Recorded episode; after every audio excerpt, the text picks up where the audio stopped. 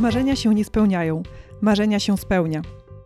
W podcaście Napędzani Marzeniami rozmawiam z ludźmi, którzy udowadniają to swoim przykładem.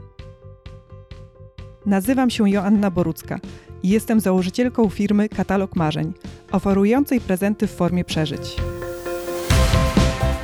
Czy masz w domu coś z wikliny?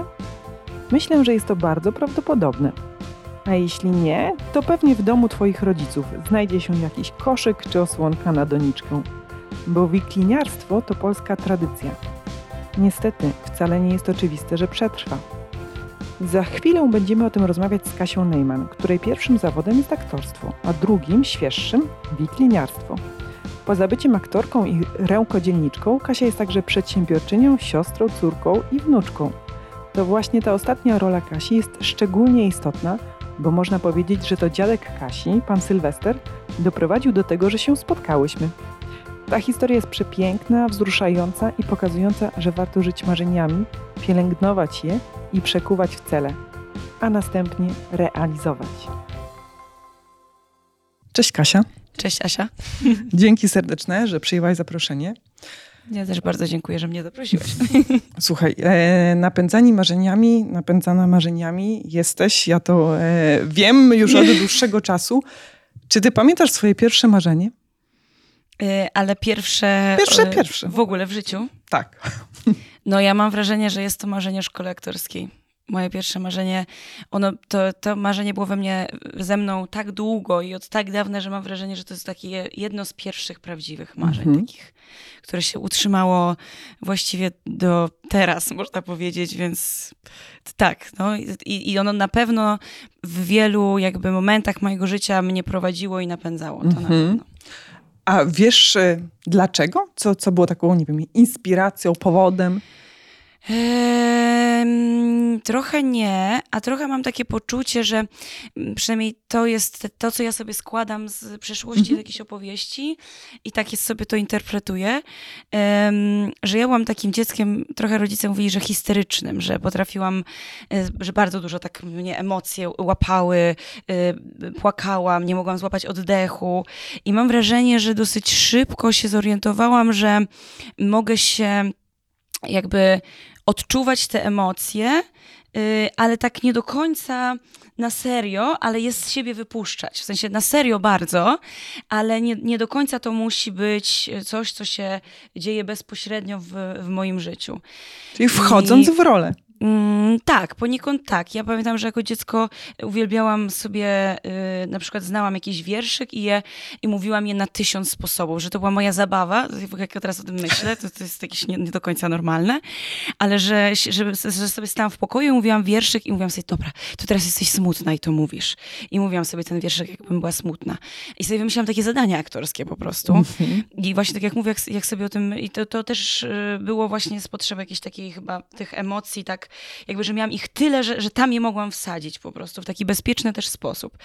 Ale myślę też, szczerze mówiąc, tak już y, zawsze o tym zawodzie swoim mówiłam y, pierwszym tak bardzo misyjnie i tak go czuję, ale coraz bardziej się przekonuję, że jest to też jakiś zbiór jakichś cech i potrzeb. Y, I myślę też, że po prostu dosyć szybko w jakimś przedszkolu zaczęłam startować w konkursach, y, co przynosiło mi, o Kasia, brawo, wystartowałaś w mhm. konkursie, jesteśmy z ciebie dumni. No to gdzieś mi to odpowiadało, że, że jestem za to też chwalona, doceniana e, i gdzieś się czułam w tym taka mm, mocna na tej scenie. Pomimo ogromnego stresu, jak już e, na początku mówiłam, że to się nie zmienia, to chyba każdy z tych konkursów, takich wystąpień kosztował mnie ogrom emocji i nerwów. To, co jest na przykład też zabawne, bo jestem po szkole muzycznej e, i jak grałam na koncertach, to ja miałam taki rodzaj tremy, że ja nie miałam totalny blackout, nie pamiętam zupełnie swoich koncertów. Grałam je na pamięć, jakby ruchowo um, na, czy, grało. na czym grałaś? Na instrumentach perkusyjnych. E, ja wolałam melodyczne, czyli jakby marimba, vibrafon, ksylofon, takie duże, generalnie drewniane cymbały. E, I i, I, to był dla mnie taki stres, taki już wręcz do granic wytrzymałości, że nie czułam się w tym, że nie czułam, że panuję nad tym instrumentem i po prostu, że jak coś się nie uda, no to w ogóle klapa, kaplica. E, natomiast na scenie się stresowałam, ale ten stres już po wyjściu na scenę był jakiś taki niosący, jest do tej pory, jakiś taki mobilizujący i, i właśnie bardzo taki, mm, też myślę, uzależniający poniekąd. Mm -hmm, mm -hmm. Ja ostatnio chyba na jakimś webinarze e, dowiedziałam się, że są dwa rodzaje stresu. Stres dobry, EU stres i, i stres mm, zły, e, zaraz wyjaśnię, dystres. Mhm. Właśnie ten dobry Słyszę, że ty mówisz o tym dobrym e, stresie, o takim stresie, który uskrzydla, który dodaje adrenaliny, tej pozytywnej adrenaliny i pozwala właśnie przekraczać swoje granice, może czasem słabości, a ten stres zły działa w odwrotną e, stronę. W sumie nie wiem precyzyjnie, jak to tak hormonalnie działa w organizmie, ale słyszę tak, bardzo tak, dokładnie, tak. że mówisz o tym stresie um, pozytywnym. Um, no tak, myślę, że tak. Okej, okay, czyli taki też mówiłaś o takim e, systemie e, wzmocnień, tak, że właśnie był stres, ale później byłaś chwalona, więc podążałaś za, tak, e, za tym tak, marzeniem i nie tylko aktorskim, ale też muzycznym, czyli e, pasje artystyczne w różnym wydaniu. Czy to jest związane z jakimiś przykładami e, rodzinnymi? Nie. Nie, to jest, to jest ciekawe, bo mm, jakby w tym pokoleniu, chyba takich ukrytych artystów bym to powiedziała, bo w pokoleniu jakby moim jest, mam starszą siostrę rodzoną o 5 lat i cioteczną młodszą o 3 i każda z nas poszła w artystyczną stronę. Moja siostra jest po ASP, e, a moja siostra cioteczna z kolei studiuje w Londynie e, komponowanie muzyki, jest, jest mhm. generalnie muzykiem e, i wokalistką. E, I co ciekawe, u, u, nas w domu no, nie ma takiej tradycji w ogóle. Nasza babcia, bo mama mamy e, mojej i mama mamy też mojej siostry ciotecznej, mhm.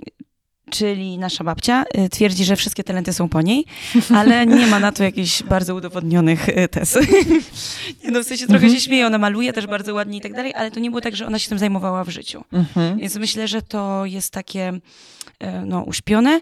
Jestem też bardzo y, taka wdzięczna naszej rodzinie, że nam na to pozwolili, bo y, to nie do końca jest oczywiste. E, jeszcze moja siostra, która studiowała grafikę, E, no to to jest taki zawód, który jest jakimś fachem. Mhm. Natomiast y, no, jeżeli chodzi o aktorstwo, no to są różne opinie, różne zdania. I ja wiem, że moich rodziców to też kosztowało bardzo dużo stresu, żeby, żeby odpuścić i pozwolić mi spełniać te marzenia i nie zastanawiając się, Boże, i co ta nasza córka będzie potem mhm. robić w życiu. Mhm. No właśnie, bo poszłaś za głosem marzeń i ukończyłaś Akademię Sztuk Teatralnych w Krakowie. I jak, e, jak ta rzeczywistość e, aktorska ma się do tych marzeń, do tych wyobrażeń sprzed e, ukończenia uczelni? No, pierwsze, co mi przyszło do głowy, to nijak. Ale y, no, to jest trochę na pewno też no, jakby z filtrem jakby mojej historii osobistej. Natomiast na pewno jest tak, że teraz w ogóle się zmieniły czasy mocno i jakby te marzenia moje dziecięce one, one były w zupełnie innych realiach niż są teraz. To jest jakby na pewno. Um, a na pewno też jest tak, że ja tak jak powiedziałam, nie mam żadnych doświadczeń rodzinnych, więc miałam wyobrażenia i marzenia o tym świecie, mhm. a nie miałam um, tak naprawdę takiej informacji, jak to wygląda naprawdę. Um, I realia tego zawodu są dosyć trudne, na pewno. Myślę, że nawet jeżeli mi ktoś wcześniej mówił, że to jest trudny zawód i będzie ci ciężko, to zawsze coś z tyłu głowy mówi ci, ale moja historia będzie inna. Mhm. I, y, no, I jakby nie do końca jest. W sensie nadal widzę te trudności, znaczy nadal widzę te trudności, o których po prostu gdzieś tam słyszałam. No, i, no i tak, no, czym to się tak dokładnie różni? Na pewno, na pewno takim absolutnym brakiem stabilności, stabilizacji. I może jako dziecko też tego nie potrzebowałam po prostu, bo miałam to w domu, inne moje obszary były mm, jakby dawały mi tą stabilizację i nie myślałam o takiej stabilizacji y, z własną rodziną. E, no ale teraz jak sobie myślę o tym, że takim działaniu typowo projektowym, bez etatu, takim właściwie chodzeniu kilka razy w miesiącu na rozmowę o pracę, bo tym mm -hmm. właściwie jest casting, tylko jeszcze takim dosyć specyficzną rozmową o pracę, bo właściwie nie decydują twoje umiejętności, poniekąd odrobinę, ale, ale bardzo dużym czynnikiem są czynniki totalnie niezależne od nas. Czyli nie, nie jesteśmy się w stanie tego nauczyć, e, tylko ym, nawet nie jest to zależne do końca bardzo często od talentu, tylko od jakichś na przykład cech zewnętrznych, od jakiejś rodzaju energii, osobowości, tego, czy pasujesz do danej postaci, czy nie. No i na to jakby nie masz wpływu. Musisz się znaleźć w odpowiednim momencie, w odpowiednim czasie, mieć ogrom szczęścia tak naprawdę. No a to jest dosyć y, ryzykowne, jeżeli chcesz na tym budować całe swoje mhm. życie i taką, takie bezpieczeństwo. Mhm. Czyli zawód dla osób y, z powołaniem, z misją i które też. Na pewno. Mm, no bo jest tak, że albo się przebijesz i faktycznie y, te sukcesy relatywnie y, wcześnie zaczyna się odnosić, albo trzeba mieć jakąś drugą nogę y, w życiu.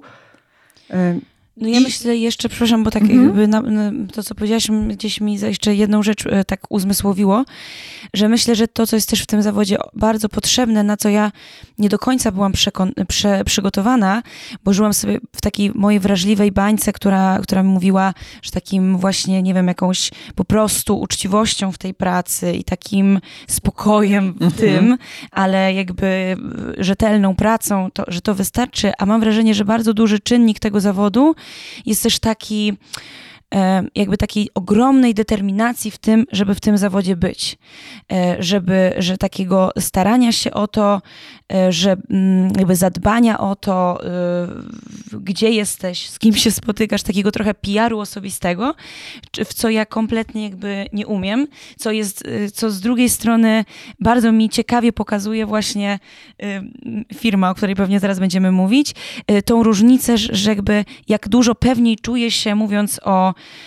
nie o sobie, tylko o, o, mhm. produktach, o rzeczach, o rzemiośle, o czymś takim stałym, niż o jakby sobie, jakby o, o, swoim, o, o, swoich talentach, o tym, że słuchajcie, ja jestem najlepsza, bierzcie mnie do tej roli.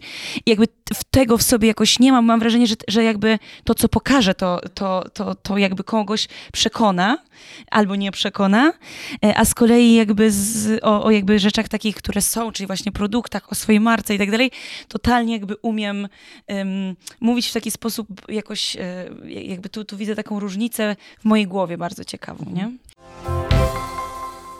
Ta druga pasja, wikliniarstwo, plecionkarstwo, to też ciekawe czy te pojęcia są totalnymi synonimami? Czy... E, nie, nie są, nie są. Mhm. Wikliniarstwo to jest e, też wszystko, co się wiąże z obróbką wikliny, e, z, z, jakby z plantacją, z zbiorem, z okorowywaniem, przechowywaniem jakby takim obszarem zajęcia się materiałem, a plecionkarstwo to jest już wyrób z tego materiału. Okej. Okay. Jak ono pojawiło się w twoim życiu? Ono się pojawiło dwojako. Po pierwsze się pojawiło bardzo dawno i było właściwie od zawsze, w sensie, że ono się nie pojawiło w moim życiu, tylko właściwie ja się pojawiłam w jego życiu, mhm. e, bo mój dziadek e, miał sklep z wikliną, który prowadził w, w Warszawie na Pradze i jakby teraz już jest 30 rok funkcjonowania sklepu. Ja mam 27, e, więc e, sklep był wcześniej niż ja. I no i tak, no i właściwie wszystko, wszystkie takie moje pierwsze zabawki, też moje siostry, to właśnie były z tej wikliny. E, jakaś taka informacja o tym materiale też, ona po prostu była.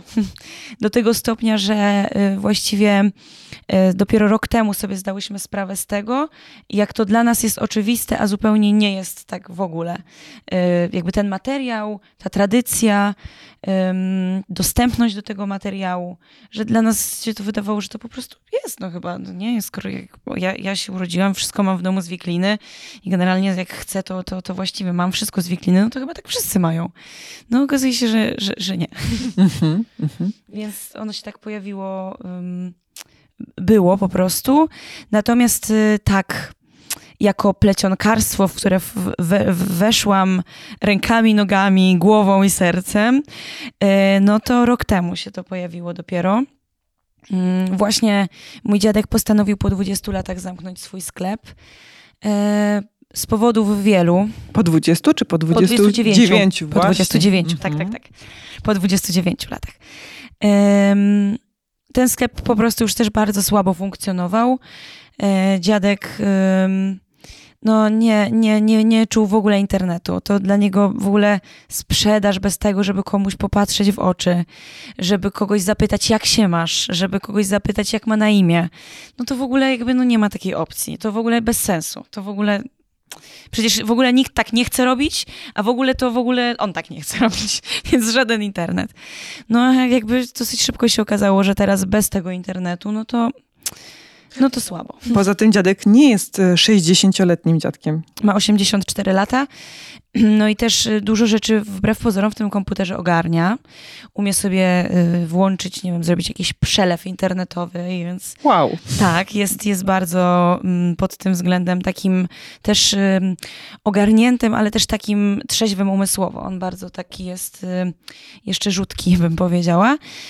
Natomiast, no rzeczywiście jakby sprzedaż i to wszystko, co się wiąże, to nie byłaby praca dla niego, tylko mhm. dla kogoś, kto by z nim współpracował. Mm, ewidentnie to, to, to on się tym jakby sam tak y, jakby nie mógł tym, tym zająć, a z kolei nie wiem też, czy w takim funkcjonowaniu sklepu y, on by też tak umiał do końca oddać to pole, żeby ktoś inny zajął się, no bo wiadomo, że wtedy ta sprzedaż internetowa byłaby pewnie na pierwszym miejscu no i nie wiem, czy tutaj, czy jakby on na tyle nie rozumiał tego świata internetowego, że czy umiałby jakby oddać to, że dzieje się w jego sklepie coś, czego on nie rozumie, nad czym nie ma kontroli, a właściwie to jest jego miejsce, y, w którym jakby chce to wszystko rozumieć i wiedzieć, o co chodzi. No właśnie, i dziadek rok temu podjął decyzję o zamknięciu. zamknięciu.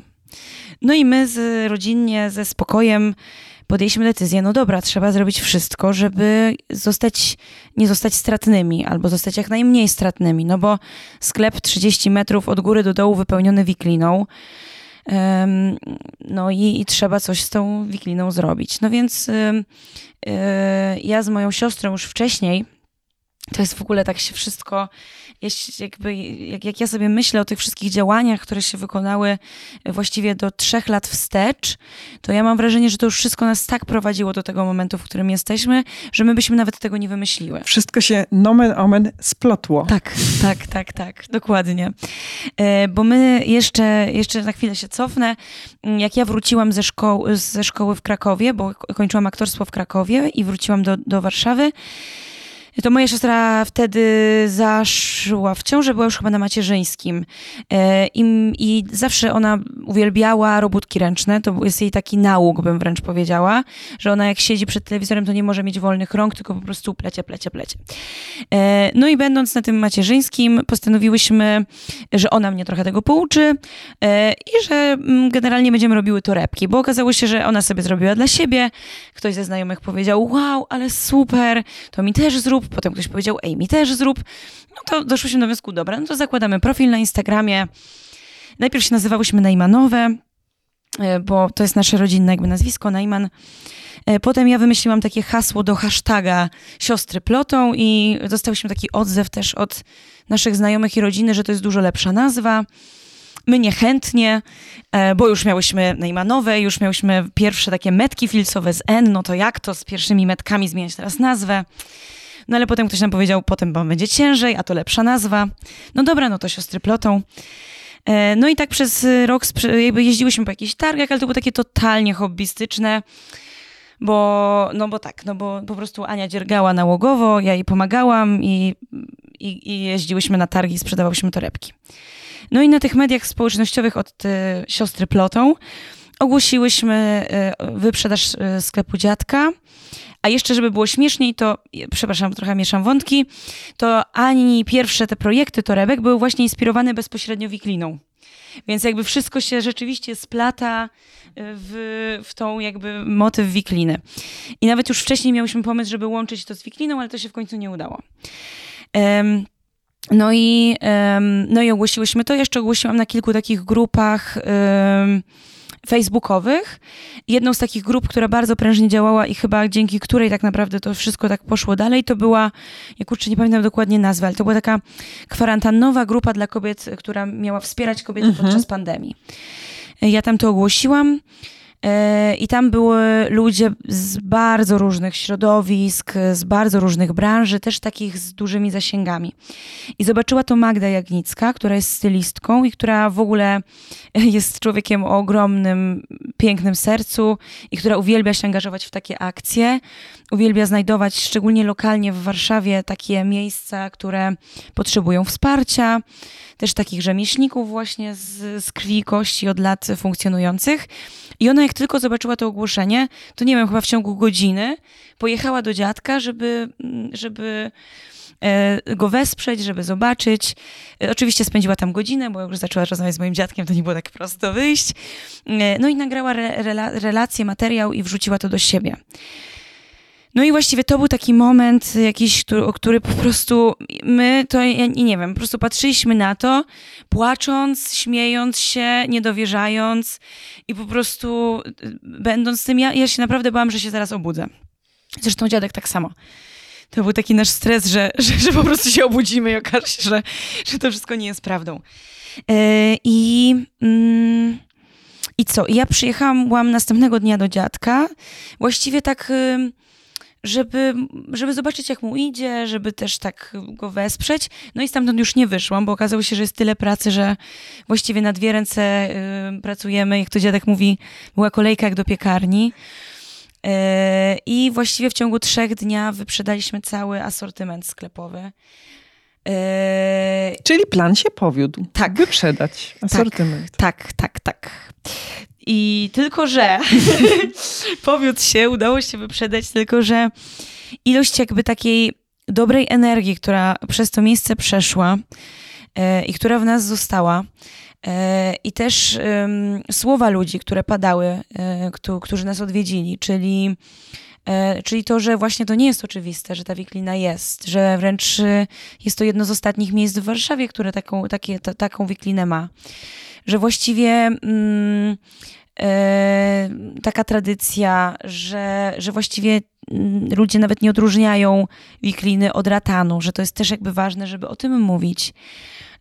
Potem dosyć szybko my się zorientowałyśmy, że całe wikliniarstwo w Polsce ma się bardzo średnio.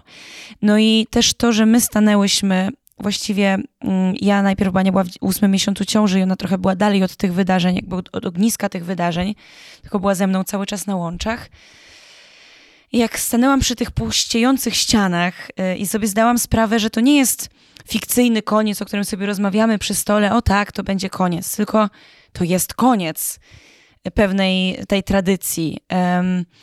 I, i właściwie widać biel tych ścian. I że ja nie mam w sobie zupełnie na to zgody, żeby to był koniec. I właściwie zaczęłam najpierw ja rozmawiać z moją siostrą. To nie może być koniec. I moja siostra na początku pierwszego dnia powiedziała mi, że Kasia, no jakby nie wiem, czy to jest dobry pomysł. W sensie jakby czuję to sercem, ale ja teraz rodzę zaraz. Nie będę ci w stanie pomóc tak, jakbym chciała. Nie będę jakby w stanie być y, z tobą w tym sklepie. Więc czy ty masz w sobie taką przestrzeń, że teraz właściwie będziesz, jakby to przyjmujesz ze wszystkim, co się z tym wiąże? Czy widzisz tą odpowiedzialność, która za tym idzie? Jeszcze w środku pandemii. Jeszcze kiedy... w środku pandemii, dokładnie. No. E, no i ja, ja w tych emocjach, cała tym naładowaniem, tak, widzę to. Dobra, zastanowię się, ale widzę to. No i właściwie następnego dnia, jak moja siostra jakby widziała to dalej razem ze mną, powiedziała, dobra Kasia, ja też to widzę, robimy to. Nie wiem jeszcze, co będzie, to jest szalone, ale robimy to. E, nie powiedziałyśmy od razu tego dziadkowi, e, bo chciałyśmy być pewne, bo wiedziałyśmy, że to jest taki moment y, zwrotny i że jeżeli mu już to powiemy, e, no to nie, nie chcę, jakby nie ma opcji wycofania się z tego, że to jakby jest za duże, za duże zobowiązanie, za duże słowo, żeby rzucić to i się z tego wycofać. Więc tydzień się to w nas uleżało. Obgadałyśmy to jeszcze z rodzicami, którzy do tej pory są ogromnym wsparciem w tym. Mm. No i no i podjęliśmy tą decyzję, że to, że to zostaje, ale mało tego, podjęliśmy też decyzję, że chcemy to pogłębiać. Bo też ta informacja, ym, z której sobie też właściwie nie do końca o dziwo zdawaliśmy sprawę, czyli ym, tego, że sytuacja naszego dziadka y, właściwie była takim odzwierciedleniem sytuacji całego wikliniarstwa w Polsce. Y, I że coraz mniej jest rzemieślników. Firm się teraz pojawia, może ja to też widzę, bo e, powiedzmy, e, to jest to nasza konkurencja i warto ten rynek śledzić. Chociaż tu też mam takie do tej konkurencji takie mm, dosyć podejście e, otwarte, bo uważam, że nie do końca jest to konkurencja, tylko po prostu wzmacniamy ten rynek i że to jest bardzo ważne, żeby, żeby zaczęło po prostu to być z tego coraz więcej. E, natomiast no jakby śledzę to, co się dzieje, więc gdzieś to widzę. Natomiast y, problem jest po prostu z rzemieślnikami. Wyplatają głównie osoby, które mają 80-90 lat. Cała nauka wikliniarstwa była zatrzymana na 20 lat w Polsce i jest dopiero od 7 lat wznowiona. Więc można łatwo powiedzieć, że całe pokolenie mamy do tyłu. Są szkoły, w których się uczy takie szkoły, mam na myśli technika, szkoły zawodowe? Nie, e, techników, e, nie, techników, dobrze odmieniłam? Chyba tak, nie ma. Y, były, ale nie ma. Y, są dwie szkoły zawodowe, jedną z nich my właśnie skończyliśmy. Jest to szkoła w Łowiczu i jest to szkoła w Jaworze. I tak, i są to szkoły zawodowe. Bardzo, bardzo polecam osobom, które mm, chcą wykonywać ten zawód albo chcą w niego głębiej wejść. Y, jest to bardzo intensywne. my kończyliśmy szkołę w Łowiczu. Mm, jest to intensywne doznanie, ponieważ y, jest to piątek, sobota, niedziela. E, jak nie ma pandemii i nocuje się w bursie i cały weekend się wyplata, co weekend, więc jest to naprawdę bardzo takie wymagające. E, natomiast y, no, jest to super. Mhm. Jest... Przy czym to nie jest szkoła zawodowa w takim tradycyjnym mm, modelu edukacyjnym, no jest. Jest, okej. Okay, okay. Jest, w sensie, mhm. no jest ona mhm. weekendowa, e, ale normalnie my potem jesteśmy, jakby kończymy państwowe egzaminy zawodowe. Jest to normalnie szkoła zawodowa. E, jedyne jakby, mm, jakby jedyne jakby koszty, które są, no to są koszty materiałów, które ponosimy, bo E, materiały, e, wiadomo, no, jakby no, no nie są wliczone w to, jeżeli chcemy wyplatać, mamy praktykę. My akurat mieliśmy przez cały rok praktykę, więc tych materiałów się trochę uzbierało. No, e, koszty dojazdów i koszty noclegu w, w bursie. Natomiast same nauczanie jest normalnie państwowe. Ile było osób na roku? około 16. 16, szkoły są dwie, czyli no, przyjmijmy, że w tej drugiej szkole podobna ilość. Przy czyli... czym ważne jest chyba to, że nie do końca osoby, które się kształcą tam, mają takie podejście jakby do zawodu, e, że, że będą chciały zostać takimi rzemieślnikami, mhm. którzy właściwie rzucają wszystko, siedzą i wyplatają. Dlaczego? E, ano dlatego, że, e, że jest to po prostu nieopłacalne. I to jest jakby, to jest główny powód. Ja mam taką ogromną misję, żeby o tym mówić, dla którego wikliniarstwo w Polsce wymiera. To jest po prostu nieopłacalne. E, my mieliśmy na e, egzaminie zawodowym teorię, e, w której oprócz bardzo trudnych zadań, dla nas trudnych i takich nieoczywistych, typu budowa pługu i jakby takich, takich rzeczy, które po prostu musieliśmy wkuć, to były bardzo proste zadania matematyczne. I te zadania matematyczne to było właśnie koszykarz mm, dostaje za swoją godzinę pracy tyle i tyle, za koszyk dostaje tyle i tyle. E, jeżeli mm, pracuje 8 godzin e, w tygodniu, to e, ile zarobi E, ile zarobi i ile wyplecie koszy. I słuchajcie, okazało się, że koszykarz, który wyplata 90 koszy, i to jest jakby jego maksimum, 8 godzin pracy dziennie w miesiącu, zarabia 720 zł. To y, jest tak, że mało osób, które jest na tym kursie, chce zostać takimi rzemieślnikami, co to wyplotą kosze w miesiącu za 720 zł i nie będą mieli czasu na nic innego.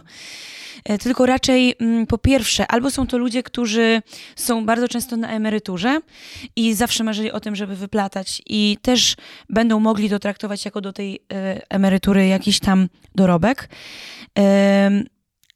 albo są to ludzie, którzy z jakichś innych powodów potrzebują tego do pracy. Mhm. Że mają jakiś pomysł, e, chcą na przykład to łączyć z jakąś pracą terapeutyczną, albo jeszcze, z, nie wiem, mają swoją agroturystykę i chcą sobie posadzić i chcą jakby wiedzieć i tak dalej. Natomiast y, to jakby, jeżeli chodzi o przyrost rzemieślników, rzemieślników, którzy będą tworzyli i którzy tworzą bezpośrednio produkty z wikliny, to jest oddzielna jakby para kaloszy i z tym jest ogromny problem.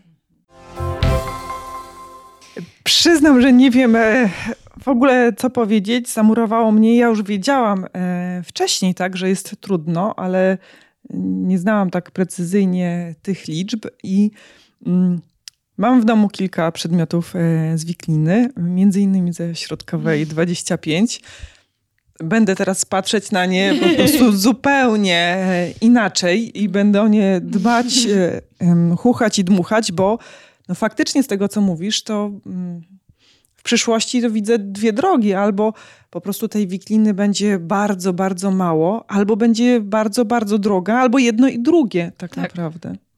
Tak, dokładnie mhm. tak. Już teraz są wzory, które przepadły i których już nie będzie, bo na przykład zmarła ostatnia osoba, która robiła to i umiała jakby jakiś splot dany zrobić. Te wzory są powoli odtwarzane, więc myślę, że coraz więcej też jest takich zapaleńców. Ale a propos napędzanych marzeniami, e, to mam głębokie przekonanie, że osoby, które się zajmują plecionkarstwem, muszą być napędzani marzeniami, e, bo inaczej to w ogóle nie miałoby sensu. No. No właśnie i e, e, wy razem z Anią, e, tak mówię, siostry mhm. Ploto, tak, tak, tak Więc tak, tak. Kasia i Ania, od początku, niemalże od początku, jak rozumiem, miałyście plan, żeby zrobić coś więcej niż tylko dalej prowadzić tak. sklep, czyli właśnie promować to rękodzieło. W ogóle nasze pierwsze warsztaty wikliniarskie E, we współpracy z Serfentą, takim stowarzyszeniem, które się zajmuje plecionkarstwem od 13 lat. E, właściwie było, e, ostatnio mi przypomniał o tym Facebook 18 lipca, czyli właściwie przed przejęciem takim na porządnie mhm. sklepu. Więc właściwie można powiedzieć, że, że, że, że, właściwie nie wiadomo, którą misję mamy bardziej i szybciej w nas zakiełkowała. Mhm. Na dwa sposoby e, planujecie tę misję realizować. Skoryguj tak. mnie, jeśli e, nie do końca e, dobrze powiem. Po pierwsze, właśnie poprzez realizację warsztatów i uczenie ludzi, jak można coś sobie samodzielnie tak. wypleść, a po drugie, poprzez tworzenie własnych wzorów i własnych przedmiotów. Tak, tak, zdecydowanie tak. Już mamy, e, już obie te rzeczy są wdrożone w życie, więc super. Właśnie tydzień, nie, no nie tydzień, to było w tą sobotę. Mhm. E, miałyśmy nasze warsztaty, które były bardzo, wydaje mi się, owocne i ja je bardzo dobrze oceniam e, i, i była super atmosfera i dużo osób się na nie też zgłosiło, więc super. I też realizujemy już swoje własne projekty i swoje własne wzory i, i, i chcemy, żeby one były. To jest bardzo też ciekawe, bo to są nasze własne wzory, ale jakby to, co, czego ja się nauczyłam i właściwie co jakoś tak przyszło naturalnie, ale chcę, żeby dalej trwało, to jest to, że e, ja właściwie się śmieję, że siostry plotą to nie jesteśmy ja i Ania, mhm. tylko to są, to, to są, to jesteśmy wszyscy nasi klienci i klientki. I rzeczywiście jest coś fajnego w tej nazwie, takiego, że jak sobie siedziałyśmy na przykład na warsztatach, to ja mówię, tak, to jest siostry plotą, mm -hmm. nie? Że jakby taka idea też siostrzaństwa, czyli taki po prostu dla mnie takiej ludzkiej miłości, nie erotycznej, tylko takiej ludzkiej po prostu, y, przyjacielskiej, y, jest mi bardzo bliska i szerzenie tego, żeby, żeby tak siebie postrzegać, że jesteśmy tutaj wszyscy y, po to, żeby, żeby nam się żyło lepiej, warto pewne rzeczy robić, warto się uśmiechnąć do siebie, podać pomocną dłoń i też jakby w takiej wspólnocie jakiejś y, tworzyć i działać. I właśnie y, dla mnie te siostry plotą to są też te wszystkie siostry, które, które tworzą y, tą, tą, tą naszą markę. I rzeczywiście jest tak, że wiele z tych projektów powstało z e, konkretnych inspiracji naszych sióstr, czyli po prostu naszych klientek i tego, że się do nas odezwały, ej, zobaczcie, tego nie ma, ja o tym marzę, czy dałybyście radę coś takiego zrobić? I my mówimy, kurde, to jest super projekt, myślimy o tym i często nam to zajmuje pół roku, często nam to zajmuje siedem miesięcy, bo wdrożenie takiego projektu to jest też bardzo dużo pracy. I to jest też, o tym chciałam powiedzieć, bo ludzie sobie często z tego nie zdają sprawy i piszą z własnymi projektami typu, a czy dałaby pani radę wypleść mi taki fotel? No i mm, to nie jest, w sensie my się tym zajmujemy, my jakby bylibyśmy pewnie y, na pewno w stanie opracować taki model, tylko że to jest tak nieopłacalne czasowo, finansowo, żeby wypleść taki fotel. Po pierwsze trzeba wypleść pięć foteli, które się nie udadzą. Po drugie trzeba stworzyć całą formę do tego wyważyć to odpowiednio, no myślę, że nawet więcej niż pięć foteli, które się nie udadzą, jak teraz jeszcze o tym mówię. Wymyślić jakby dokładnie, którą wiklinę, jak jakby to spleść najlepiej. To jest naprawdę dobre pół roku pracy, jak nie więcej, e, stworzenie takiego e, nowego wzoru od podstaw. E, więc, no więc tak, więc, więc często to się wiąże z aż takim dużym jakby zapleczem, dlatego mm, warto jak się wdraża nowy wzór, no to też jakby mieć e, zaplanowaną jakby sprzedaż nie na dwie sztuki, tylko na 50 powiedzmy. Nie? I jakie własne wzory wymyśliłyście, wyprodukowałyście? E, no to jest taki domek z wikliny. E, on jest e, głównie pomyślany o tym, żeby można z niego też zrobić taką torebkę i główną inspiracją do niego są myszki Majlek i żeby można było je przenosić i żeby miały swój przenośny domek i jakby to jest taki jeden wzór. Drugie to są mebelki dla lalek, tudzież też właśnie dla tych myszek, bo one też są zwymiarowane pod te myszki. Mm, kolejną opcją to jest e, kosz na koce mojego taty. To jest jeden z pierwszych projektów, które wszedł. E, wcześniej jeszcze były choinki wiklinowe. Mhm. Lampę widziałam. Lampy, tak, tak, tak, tak, dobrze. Dobrze, że podpowiadasz, to jest taki oczko w głowie mojej siostry i ona rzeczywiście te lampy kocha y, i planuje, mm, jakby zrobiła już taki, taki y, wzór y, pod jeden, jeden projekt takich stojących, pięknych lamp, a teraz właśnie rusza do kolejnych we współpracy też akurat z architektem, który to zaprojektował takie bardzo też nowoczesne, piękne, wiklinowe mhm. lampy.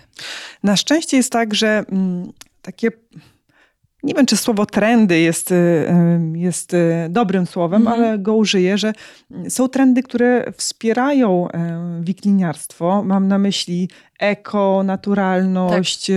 less waste, zero waste. To wszystko powoduje, że mm, ludzie chcą mieć wiklinę w domu też trendy w designie, taki kierunek bardziej właśnie znowu naturalny, boho. To myślę, że pomaga. I chciałam nawiązać tutaj do tego ratanu, o którym mówiłaś wcześniej. Bo ratan jest bardzo popularny i właściwie łatwo dostępny. Mhm. Przy czym ratan nie jest z Polski. Tak. Mhm. To znaczy tak. Ym ja ze mnie się śmieją, że jestem e, przeciwnikiem ratanu, co nie jest prawdą. Ale jest tak rzeczywiście, że ratan w ogóle jest super materiałem. Zacznę od tego. Jest bardzo wytrzymałym materiałem, e, z którego się super plecie prawie jak ze sznurka. To są takie liany właściwie, więc no, jest super materiałem. Tylko akcja jest taka, że to jest materiał, który jest materiałem azjatyckim. E, I wszystkie rzeczy, w ogóle to jest ważne, nie ma maszyny, która wyplata, więc wszystkie rzeczy, które są wyplecione, które widzimy, są ręcznie wyplecione.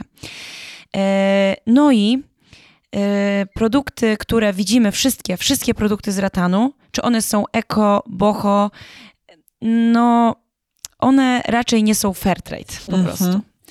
E, one są, pochodzą z rynku azjatyckiego, gdzie ta praca e, rąk ludzkich w większości wypadków, bo pewnie są miejsca, gdzie jest inaczej e, i tu nie chciałabym być krzywdząca wobec tych miejsc, ale jednak w zdecydowanej większości po prostu wyglądają niehumanitarnie, po prostu mhm. te warunki pracy, w których te rzeczy są wyplatane. I to jest jakby, to mi się zmieniło myślenie, odkąd. Yy, prowadzę swoją działalność, może to nie najlepiej o mnie świadczy, że dopiero w tym momencie mm, ale o 180 stopni. Ja zawsze byłam taką panią promocją, która jak widziała coś, że może kupić nagle za 20 zł przepiękny, wypleciony koszyk, to w ogóle latała i była przeszczęśliwa. A teraz patrzę na to i myślę sobie, jakim cudem, że to jest materiał, praca, to przyjechało kontenerem, to zostało zmagazynowane, to jest obrędowane tą firmą, która tu jest. To jest jeszcze musi być w to wliczony podatek 23% od 23 zł, za które chcemy, czy tam 20, które chcemy za to zapłacić. Za to jest wliczona praca pracownika, no bo tak musi być e, jakaś, jakiś procent. E, no i czynsz danego miejsca. To ile została osoba, która to wyplotła? W Azji, w, w, która wyplotła to w tamtych warunkach. Jeżeli ona dostała pół miski ryżu, to jest dobrze. Mhm. Myślę, że warto o tym mówić e, i warto mieć tego świadomość, bo to jest tak, jak podałaś ten swój własny przykład, tak, że kiedyś latałaś za e, tymi promocjami, nie mając świadomości, a, a mając świadomość i biorąc pod uwagę to, że jak rozumiem właśnie to fair trade jest dla ciebie istotne, no teraz podchodzisz inaczej do e, zakupów i ja też widzę po sobie bardzo, bardzo mocno w różnych obszarach życia, począwszy od tego, co jem, skończywszy e, na tym, w co się ubieram, a gdzieś tam pośrodku może czym jeżdżę, jak się poruszam, no to widzę w sobie ogromną przemianę i to nie jest tak, że ja może się zmieniłam i inne rzeczy są dla mnie ważne, po trochę po trosze też, ale myślę, że w dużej mierze to jest kwestia tej świadomości, że ja teraz wiem, jakie konsekwencje miały te moje wcześniejsze wybory. Tak. Wcześniej o tym no, po prostu jakoś to do mnie nie dotarło, yy, nie wiedziałam, yy, nie myślałam o tym. Więc bardzo dobrze, że o tym mówisz. E, żeby jeszcze w ogóle mi się wydaje, że to jest takie bardzo długofalowe, dlatego że jak już też wspomniałam, to wcale nie oznacza, że plecionkarz, e, rzemieślnik w Polsce jest dobrze opłacony. E, I to jest tak, że w Polsce królują takie czasy, w których ta wiklina była na tyle powszechna, że ona właściwie, że każdy w wiosce coś tam wyplótł i ona była taka ogólnodostępna, bardzo też często e, jak nie było czegoś, to, to sobie to ktoś po prostu wyplótł i to się kojarzyło raczej z taką biedą, powiedzmy. E, I mam wrażenie, że teraz jeszcze pokutu, pokutujemy. Kolejna sprawa jest taka, że osoby, które wyplatają, e, też bardzo często nie, nie traktują tego jako jedynej swojej pracy. Że to są osoby, które, którym po prostu ktoś dostarcza materiał z danej e, wioski, bo najczęściej są to ośrodki jednak, mm, które znajdują się nie w dużych miastach, tylko w, w, we wsiach. I, i po prostu, przy, jak, to, jak to się mówi, podczas długich zimowych wieczorów, wieczorów, mm, zamiast siedzieć bezczynnie, no to pleciemy, no to, no to tyle, na ile jakby ktoś będzie za to chciał wziąć, to jak ktoś chce to za piątkę, to niech ma to za piątkę. No tylko, że przez to to wymiera jako zawód bo mm, no, no, no bo tak, no, no bo y, to jest trochę tak, jak y, ktoś ostatnio mi dał ten przykład, jak to odpowiadałam, jak y, się kupuje te takie mm, skarpetki od babci przed bazarkiem, nie? Że one też kosztują 10 złotych właściwie mogłyby kosztować dużo więcej i byłoby nawet super, bo jakby ludzie też są w stanie tak wesprzeć y, tą osobę, która to robiła przez, y, no powiedzmy, dwie godziny, tak? Tylko, że jakby nie można do końca tego rozliczać na stawkę godzinową, bo, mm, no, no bo jakby to chcieć sprzedać w sklepie, obrędować i, i zapłacić komuś za stawkę godzinową, to to nie jest etyczne, po prostu to jest jakiś, jakaś, jakaś dodatkowa praca, jakaś, jakaś taka dodatkowa, siedzę i lubię to robić, ale żeby to się utrzymało jako zawód, to musi być e, jakby dobrze opłacalne. Z kolei jest też tak, że tych wzorów takich standardowych i osób, które wyplatają jeszcze kilka jest. I trudno jest, jakby są pewne ceny, które są na rynku. I trudno jest nagle je podnieść, bo po prostu nagle będziesz sklepem, który ma y, jakby nierealne ceny w stosunku do innych sklepów. Więc najlepszą metodą byłoby to, żeby, żeby to się zmieniło po prostu i żeby każdy plecionkarz w Polsce chciał więcej za swoją pracę. Y, I tu z kolei też jest taki na przykład problem bardzo ciekawy, bo my pracujemy z takim jednym naszym, naszym plecionkarzem, który też nas wspiera, uczy, uczymy się od niego. E, I ja na przykład z nim walczę, żeby mu więcej za, za jakby jego pracę zapłacić. I jakby jest to, y, ja mówię, jakby, jakby to, to się panu należy za to. To jest jakby super praca wykonana. Też się uczymy od pana i tak dalej. Nie, to w ogóle...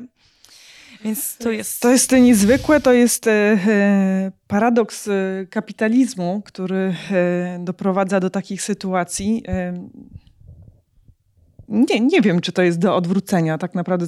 Zadaj sobie to pytanie. Myślę, że Myślę, to się że odwróci. pokoleniowo się to musi Właśnie, odwrócić. wtedy, kiedy faktycznie już zostanie garstka, kiedy wracając do tego, o czym mówiłyśmy jakiś czas temu, będzie bardzo, bardzo mało tej wikliny i wtedy ona będzie bardzo droga i wtedy może właśnie e, nowe pokolenie zainteresuje się tym zawodem, bo stanie się opłacalne dzięki cenom. No ja no, liczę na to. Jakby też o tym głośno mówię, z czego to wynika, bo Nadal mi się zdarzają e, klienci, którzy do mnie przychodzą i zadają mi pytanie, dlaczego ten koszyk nie kosztuje 10 zł jak 20 e, lat temu. No i ja po pierwsze mm, od razu, pierwsze co mam ochotę to, to zaprosić taką osobę na warsztat, bo słuchajcie, to bardzo dużo uświadamia i ja też dlatego, oprócz tego, żeby uczyć i żeby, mm, jakby, bo kiedyś było tak, że każdy poniekąd umiał wyplatać i mi się marzy, żeby do tego doprowadzić, żeby każdy gdzieś te, ten materiał mógł poczuć i żeby to było takie bardziej powszechne, e, bo jednak jest tu jakieś ogromnie ciekawe, że to jest po prostu roślina, kontakt z tą naturą. E, też może on być w wielkim mieście, to jest super. Mm, I to jest właśnie ciekawy jeszcze temat do tego, o czym mówiłaś o ekologii i zero waste. E, to zaraz jakby też bym do tego wróciła, ale jeszcze dokończę ten, zamknę ten wątek wcześniejszy. I na tych warsztatach pletliśmy, plotłyśmy właściwie kosz, pierwszy kosz i wyplecenie właściwie bardziej osłonki na doniczkę, takiej malutkiej właściwie na, na, na takiej jednej z podstawowych, zajęło nam równe 5 godzin na tych warsztatach. I bez żadnej przerwy, bez żadnego jedzenia, właściwie dziewczyny kobiety, które były, były tak zaoferowane, że trzeba było im przypominać, żeby piły wodę. Yy, trwało to 5 godzin, bez jeszcze pałąka, który trwa drugie tyle właściwie, że, jakby wyplecenie. Wiadomo, że to jest pierwszy kosz, ale to się nie, jakby nie zmienia się aż tak drastycznie. Są pewne rzeczy, które trzeba wykonać, czynności, które trzeba zrobić, których się nie przyspieszy. Mhm. Chciałaś nawiązać jeszcze do tego aspektu eko? Tak.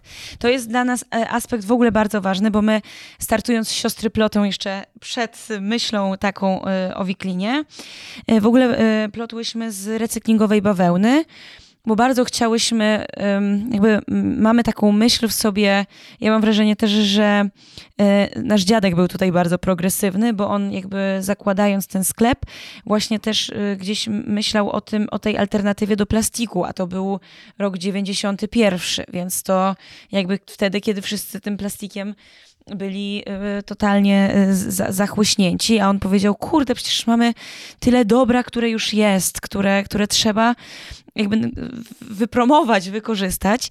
E, I nasz tata totalnie jest takim e, ekologiem, e, że on to odnawialne źródło energii, odkąd ja pamiętam, to było jego marzenie mieć swój wiatrak, co trochę się teraz spełnia też notabene.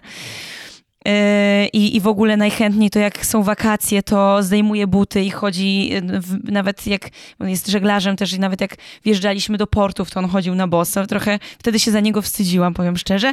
A teraz myślę, że to jest jakieś piękne, że on tak miał taką odwagę, że, że chciał przy tej naturze gdzieś tam być. Yy, no i chyba przez to do, dążę do tego, że to chyba wyssałyśmy i, i miałyśmy takie, taką poczucie, że jak tworzyć jakąś nową firmę, to taką, która korzysta z rzeczy, które już są, że już nie produkujmy.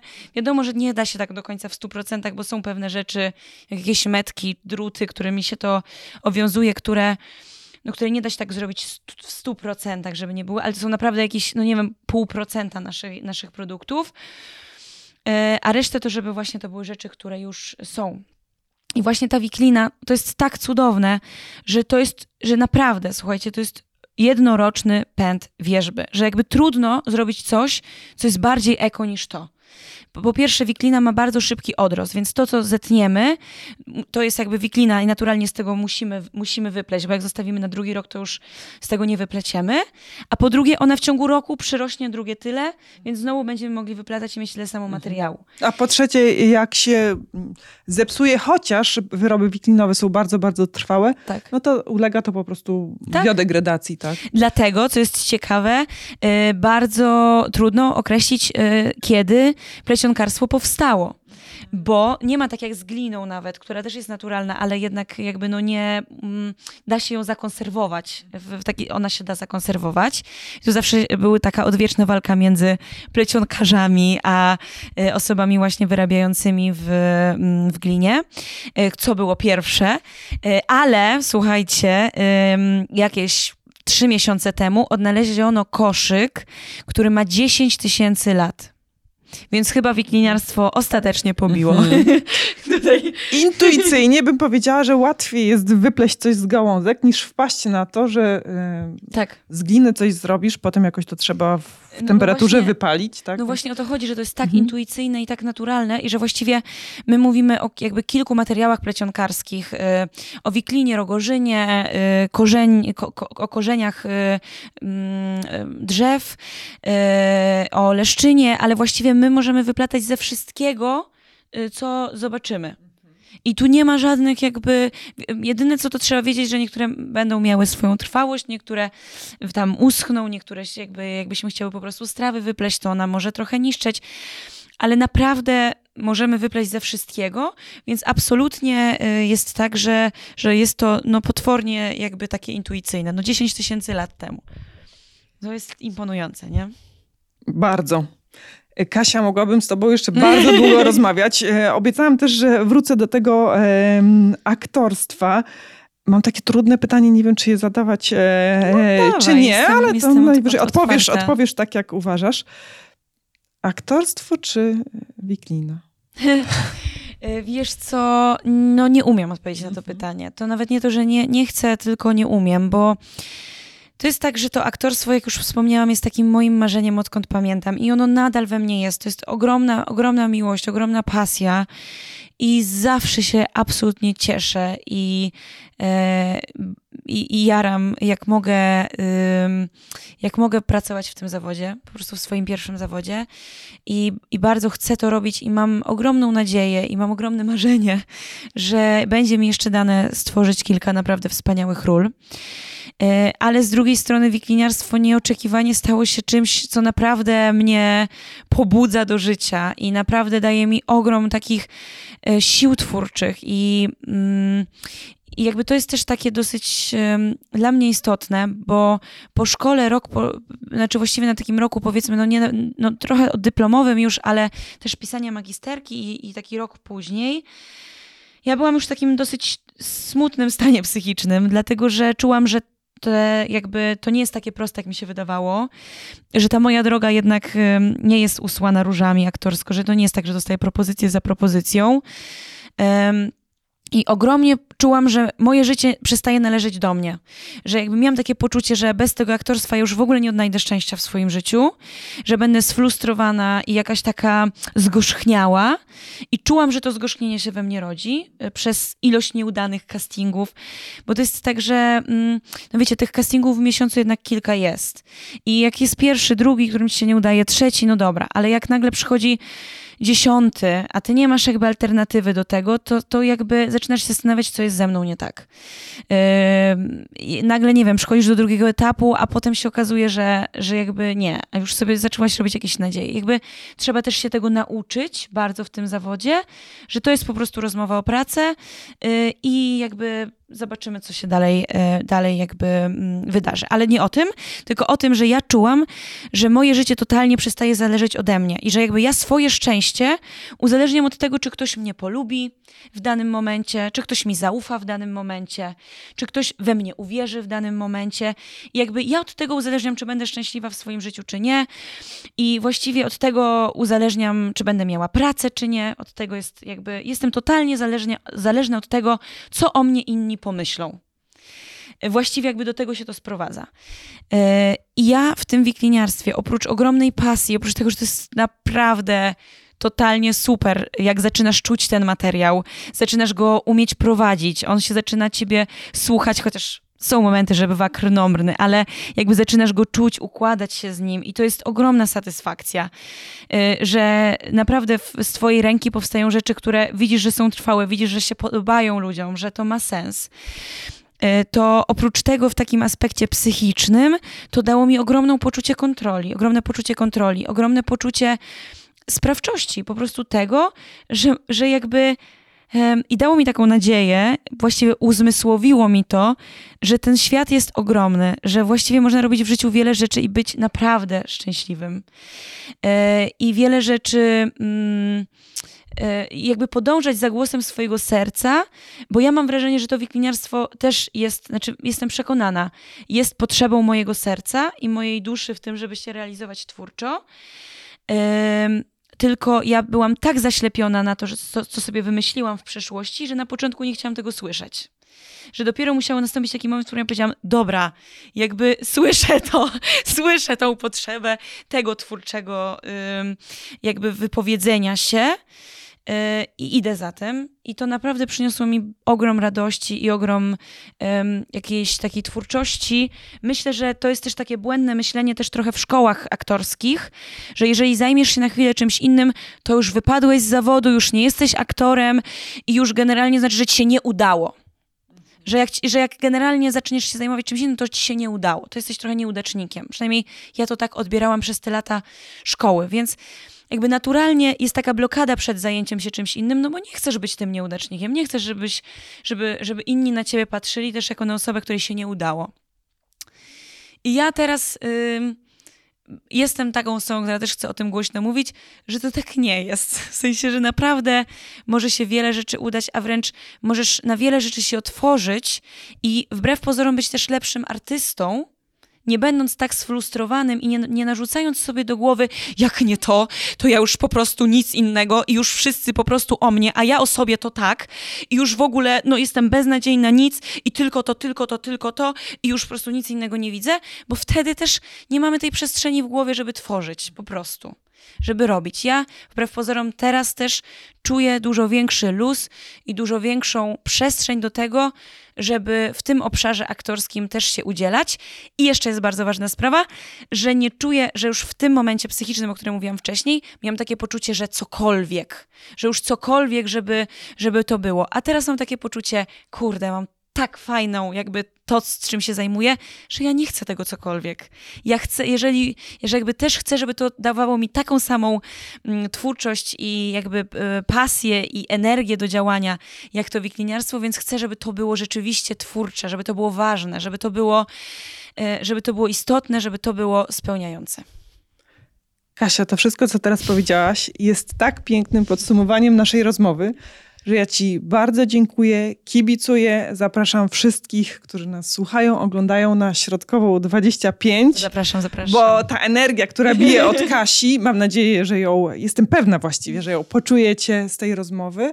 A jeszcze mocniej możecie ją poczuć na środkowej tak. 25. Tak, zapraszam. Zapraszam serdecznie e, i też na naszą stronę internetową i na naszego e, Facebooka, Instagrama, bo też staram się tam bardzo prężnie e, działać i rzeczywiście nie wiem, czy mam na to czas, ale szybko powiem, że ym, dziadek zawsze właśnie mówił, że bez tego kontaktu y, nie ma, jakby rząd sobie tego nie wyobraża, a ja się przekonuję o tym, że ten kontakt jest rzeczywiście możliwy w internecie. I jestem pod takim szokiem, pod ogromnym wrażeniem tego, że naprawdę jest możliwy personalny kontakt yy, i sama sobie tego lepiej nie mogłam jakby wymyślić, że tak jest. Yy, więc zapraszam też do tego personalnego kontaktu przez internet, bo to jest możliwe. Rzeczywiście tylko ja za niego i ewentualnie moja siostra za niego odpowiadamy, więc to jest naprawdę taki realny kontakt i uwielbiam to, e, jak, jak się wymieniamy rozmowami, zdjęciami i wszystkim. Jestem na to otwarta, więc i jakby chcę tego, tak chcę, żeby ta firma wyglądała, więc zapraszam też do tego. Wszystkie strony podlinkujemy, więc bądźmy w kontakcie. Dzięki. Nie wiem, jak to zabrzmi, ale uwielbiam moich gości i rozmowy z nimi. Każda mnie inspiruje i sprawia, że zaczynam patrzeć na świat inaczej. dostrzegać coś, co wcześniej było dla mnie niewidoczne lub nieoczywiste. Po rozmowie z Kasią zostanie ze mną inny sposób patrzenia na rękodzieło, jego ceny, wartość i historie, które się za nim kryją. Patrząc na koszyk wiklinowy, będę widzieć nie tylko ładny przedmiot, który służy do przenoszenia rzeczy, ale także panie Stanisławy, Kazimiery, Heleny, które swoimi stwardniałymi od moczenia w wodzie dłońmi je wyplatały. Mam do ciebie prośbę. Jeśli masz w domu coś z wikliny, to zrób proszę zdjęcie i umieść je w komentarzu do postów informujących o tym odcinku w mediach społecznościowych, albo oznacz po prostu profil Napędzani Marzeniami i Siostry Plotą. Do zobaczenia już wkrótce w kolejnym odcinku.